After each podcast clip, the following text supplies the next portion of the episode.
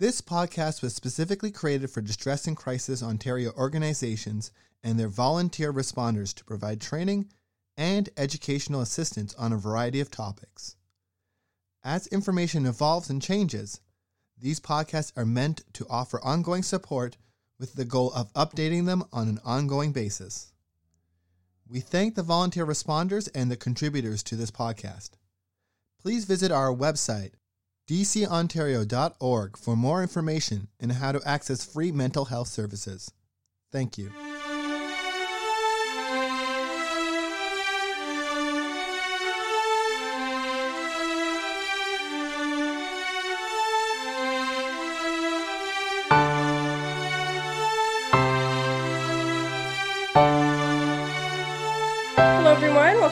Another DCO Discourse podcast. Thanks so much for choosing to listen to us today. My name is Katelyn Doyle, and I'm the Communications and Marketing Manager here at DCO. And I am joined by Caitlin Plant, who has also been on the podcast, our project manager here at DCO. Today, we'll be talking about uh, parasocial relationships and parasocial interactions. Um, so, what is parasocial? How do you define parasocial? Uh, it made it to the short list of Oxford's Word of the Year for 2023, so I'm sure you've seen it pop up on your news feeds and, and social medias. So, how does Oxford define parasocial? They say it's designating a relationship characterized by the one sided, unreciprocated sense of intimacy felt by a viewer, fan, or follower for a well known or prominent figure, typically a media celebrity, in which the follower or fan comes to feel falsely that they know the celebrity as a friend. So, Katelyn, I'd like to pass it to you if you have anyone who you feel like you've got a parasocial relationship with in media right now. Yeah, I feel like, and we're going to get into this a little bit later on in this podcast with some of the stuff we're talking about, but I feel like um, with social media, especially, it's a lot easier to feel like we know what's going on in people's Mhm. lives um, because we have this like easier access to them. Um, by the way, hello, everybody. Sorry, I don't think I actually said hello. Um, I'm here too. Um, yeah.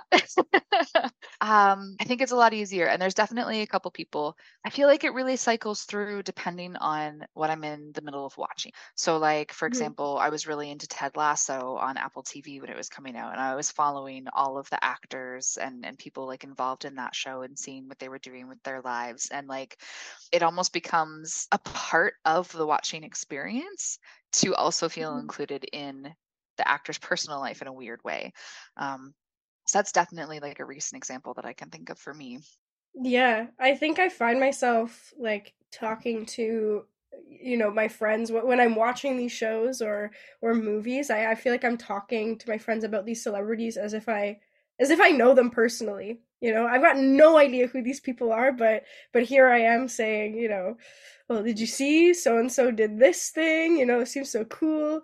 Uh, so even the language that I'm using is not actually distinguishing them as a celebrity necessarily or, or someone I I don't know versus a stranger on the street, you know, I I will often say, well this stranger approached me and you know, versus a a celebrity I am you know, using very different language to describe them and and our relationship as well.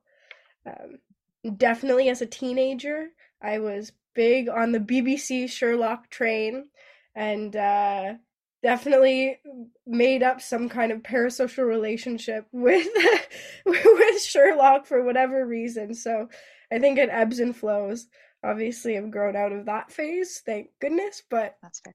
I'm assuming that's the Benedict Cumberbatch Sherlock. of course, Yeah, I yes. mean, who can blame you? He's amazing. He's I know. I get it.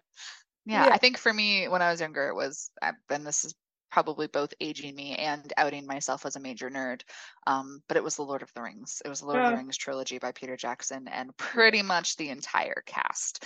And Yeah. you know what? Social media wasn't actually that huge back then either, but it was more through for a school project, I made a spoof Lord of the Rings magazine.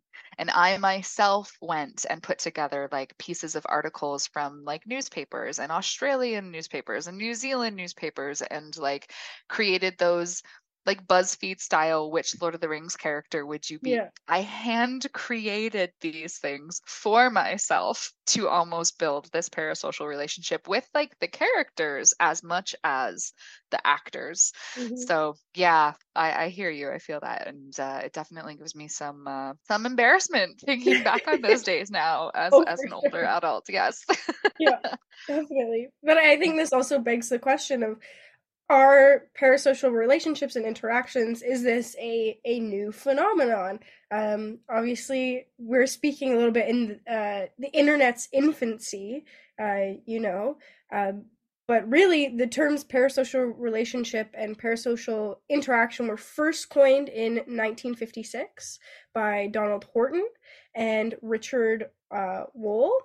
So this term obviously came to rise with the introduction of big television and media personalities, and they noted that even hosts or characters who were addressing this mass audience, uh, it didn't matter. Viewers felt as though they maintained this type of intimacy with that television personality or celebrity. And they speculated that this false sense of intimacy may very well be due to the host directly addressing the camera, uh, giving viewers this type of pseudo face to face contact. So that's the first uh, sort of writing that we have of the term parasocial. But I'm sure you could argue that even though the term was coined in the 50s, uh, these parasocial relationships and interactions, uh, or the idealization of public figures, has been around for uh, really i'm sure as probably as long as humans have been around with with just public figures uh, political figures all of that. Um, i'm pulling from a quote from a book that i will source in our show notes if you want to check out more of it. But it goes end quote one of the most important assumptions made by Horton and Wohl concerns the similarity between parasocial and real life interactions. Besides the critical difference that a parasocial interaction is not reciprocal, the authors assumed that it is more the intensity than certain attributes, example, effort or conscientiousness, that make the difference between parasocial and real life interactions. Reflecting on this reality, Horton and Wohl assumed, among others, that analogously to real life interactions and relationships, parasocial interactions with a media personality can manifest in an overarching relationship with the media personality, which we call parasocial relationship. So those strange looks at the camera, the the eye contact that we're assuming face to face contact that's what we would define as an interaction. It's a short lived moment in time but of course it can manifest deeper and further into a true relationship or at least what we think is is a relationship with that person. Mm-hmm. So it is Interestingly, it's something that like comes to mind for me in terms of like if we're thinking about how these relationships might have manifested before like TV and and the media and these kind of talk show style um, things began is it makes me think of like the fascination that um, lay people I'm going to say have always had with like royalty Mhm. right? That people always feel like they have a right, and to a degree they do, but like a right and an understanding of royals based on their literal jobs to be royalty. And sometimes that trickles over to thinking that like they know what's going on in their personal lives, which they might not. Um, and that's definitely a good example of an area where there's a, a difficulty maintaining boundaries and there's blurred lines and that kind of thing too. But it just makes me think that, yeah, even today we still look back on the relationship that royals had centuries ago and nitpick them and gossip about them and that kind of Yeah. thing. So that's kind of for me one of the things that comes to mind as like a really early example of like you can find carvings in the walls of pyramids about what the royals were up to in Egypt Yeah. thousands of years ago, right? Like way, way, way back then. So it definitely is something that's not new, but it has definitely become more prevalent. And the biggest reason for this is definitely, as we said before, social media.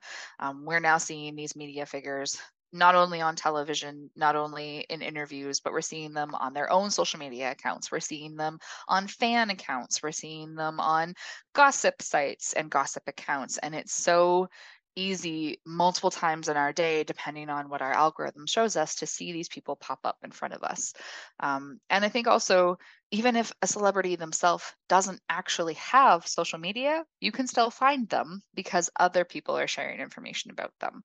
Um, so it definitely, yeah, makes it more prevalent. And I do feel like this is a larger conversation and people are talking about it a lot and we're starting to get more accounts that are trying to put boundaries in place and protect celebrities a little bit more so that we're mm-hmm. not kind of being invasive with the information that we get about them now um, trying to kind of move away from gossip and more to where it's hey here's just what people are up to in a respectful way um, but yeah i think that, that that social media is a really fantastic thing in, in, a lot of ways and it has also really complicated the world in a yeah. lot of ways and this is one example and I think versus say the even even within the past couple years, uh, there's now so many forms of interviewing that are going on with celebrities. I think you know before there was the late night talk show or there was the morning show and but that was really your collection of of interviews with celebrities versus now you could scroll through and I'm sure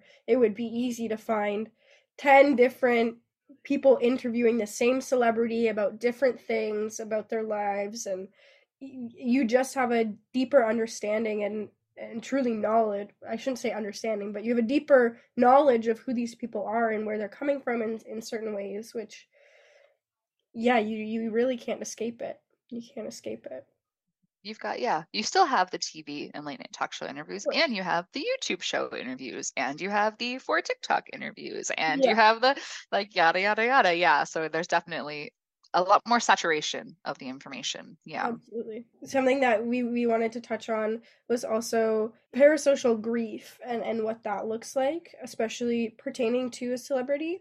I think uh, obviously this is my own opinion and I've I've seen it most since the passing of, of Matthew Perry.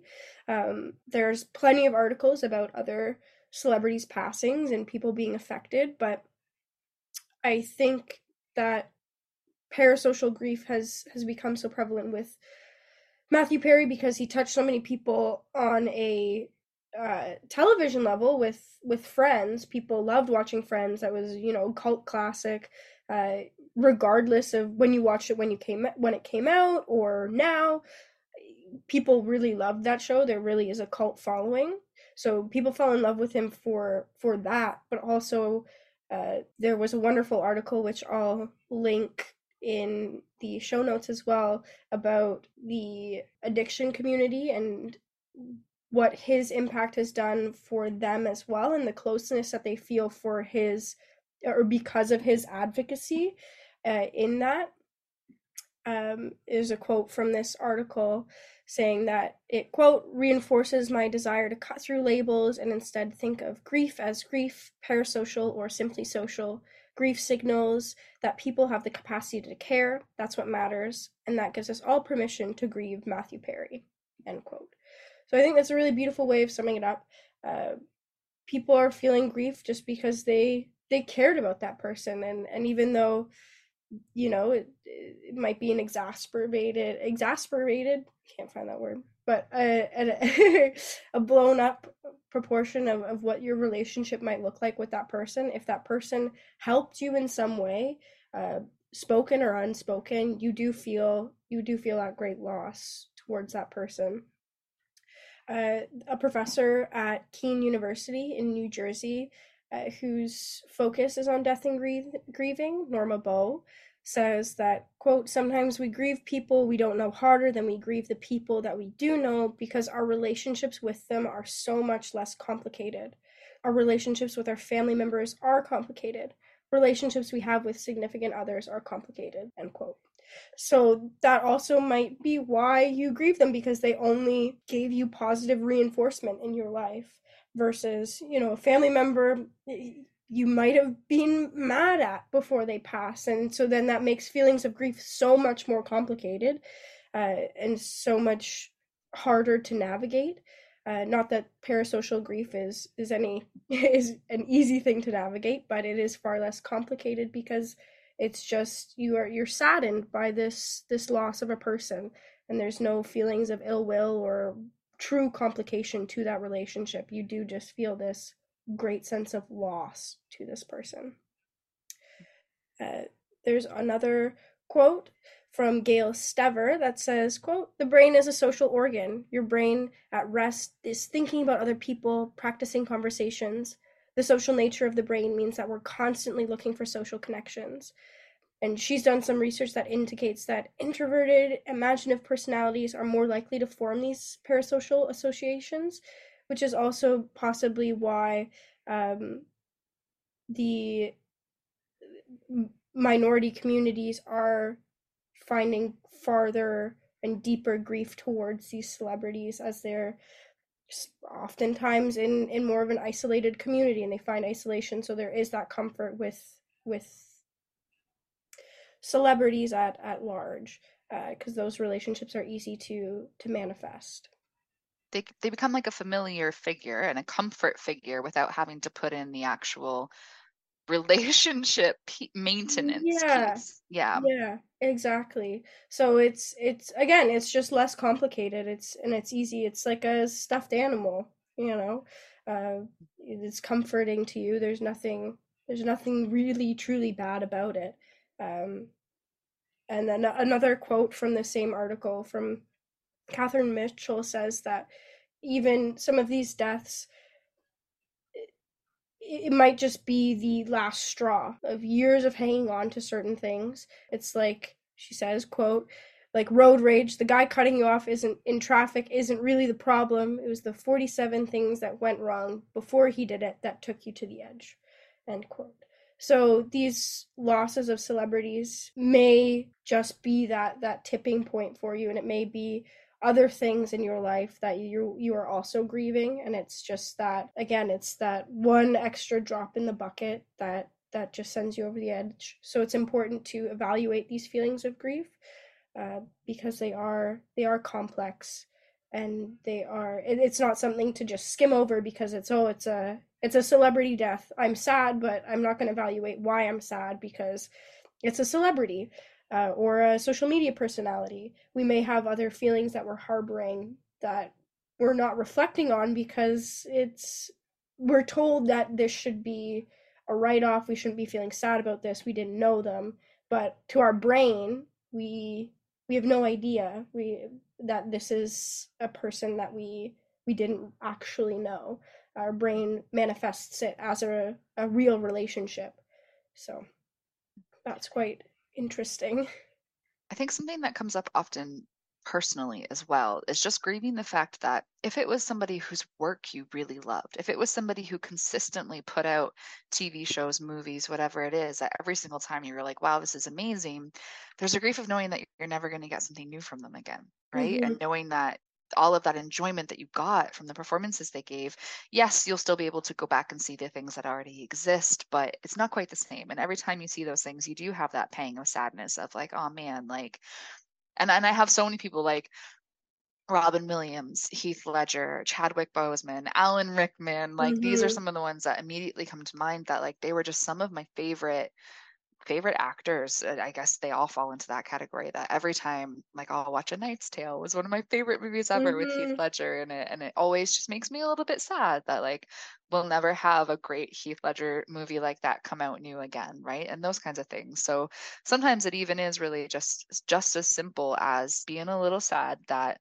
yeah you won't you won't see things created by them again with uh, my daughter who who has been a guest of the podcast many times um, when we watched the newest black panther Panther movie, um, she had not realized that Chadwick Boseman mm. had died in real life. And spoiler alert for anybody that hasn't seen the newest Black Panther movie, just skip a little bit if you haven't yet. It has been out for a long time.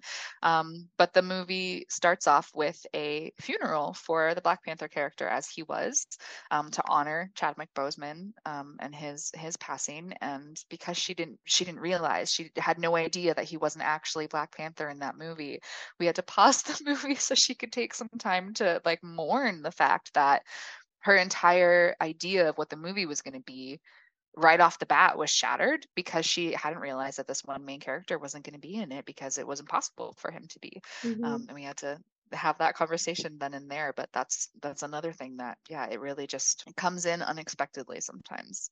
Yeah. So i guess one of the questions that we have been asking and, and the world kind of is asking about so these parasocial relationships as interactions is whether or not there's something worth being concerned about.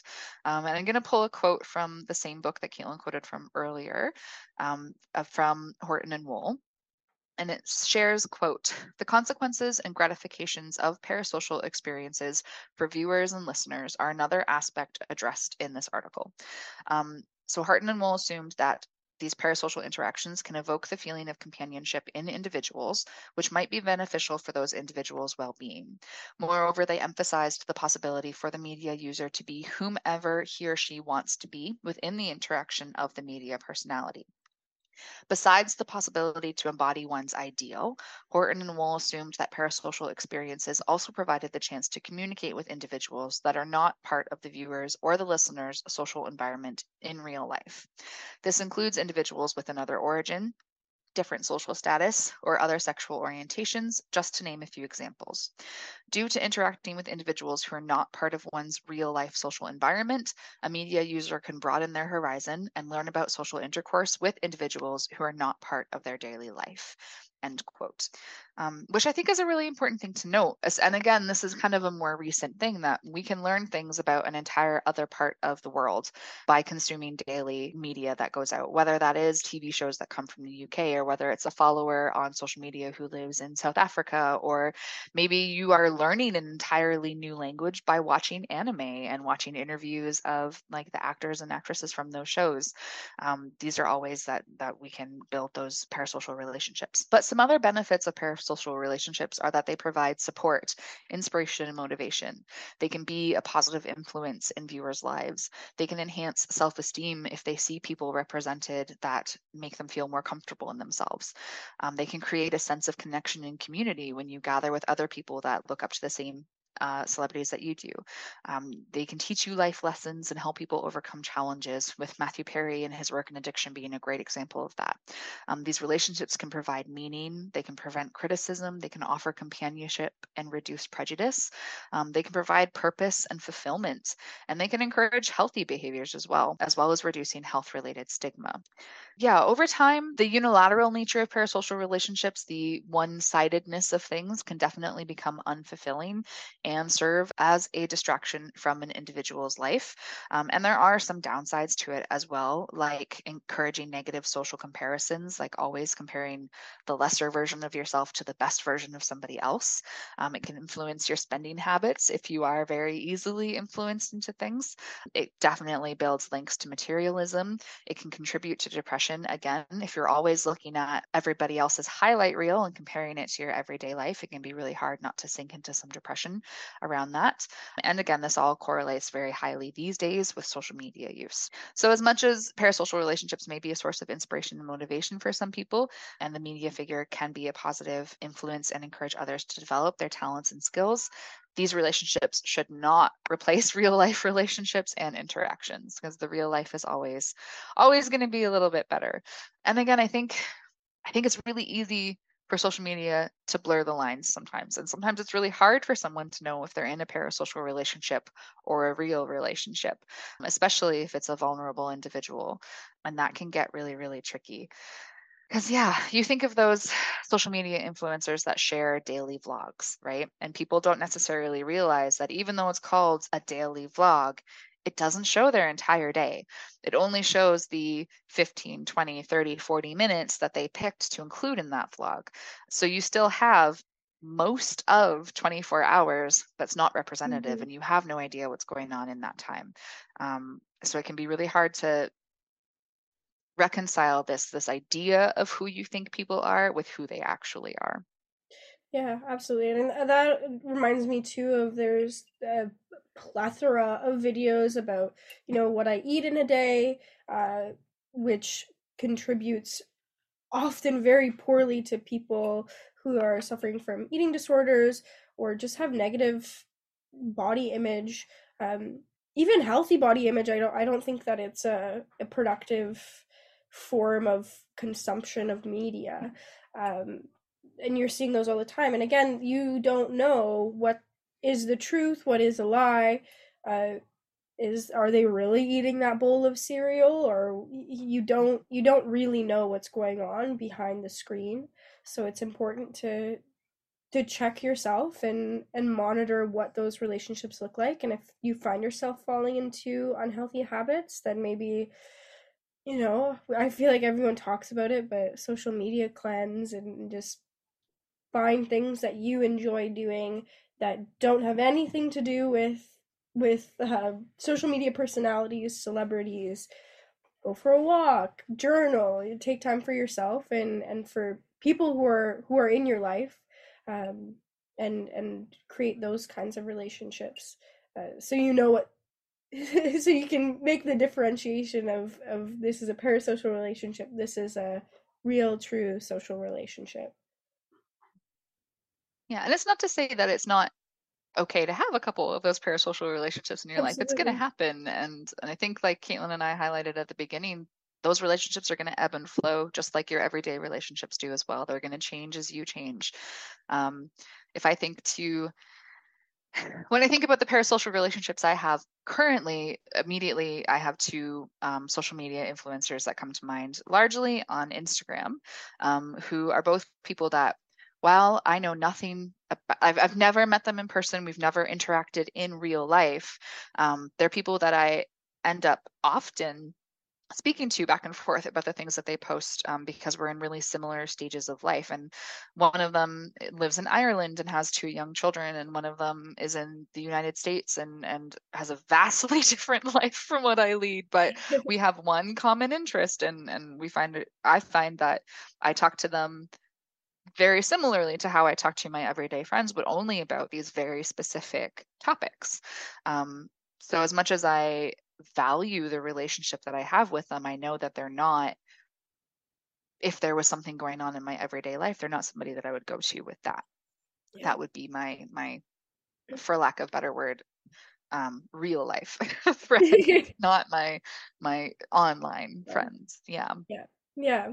So and I think too understanding that there are different scales of of relationships even even in quote unquote real life you know there's you have your work relationships that you section off you know and and when you're when you're not at work then you oftentimes you leave those relationships at work. You have uh, friends of friends that you see you know at that party every maybe once a month you know? Um, and then you have your close friends. So i I think all, all this to say, I think that we can just designate this as a, a new form of relationship uh, that you just keep to to online and try not to let that infuse uh, negatively in your real life and and just try to take those positives from the re- from the relationship that we that we mentioned earlier you know and if if there is companionship there um there's no it, that's that's not necessarily a bad thing either. But knowing that this is what the relationship is and having the having the terms to define what that is i think is important to to note positive or or negative. Yeah. Awesome. Well thank you so much caitlin for for joining me today. Uh i had i had a lot of fun chatting about this and and learning a lot and evaluating my own parasocial relationships. I think I've got a a lot to think about for sure. yeah, but, thank you. This was this was a good conversation to have for sure. Wonderful. And thank you so much to everyone listening. Uh, I'll be linking all of our sources in the show notes as well as uh, the book that we the that we quoted from. Uh, that's the history of parasocial relationships. Um, so if you're interested in learning more, there will be a ton of little links and sources that you can check out in some of your own time. But thank you again for choosing to listen to us today.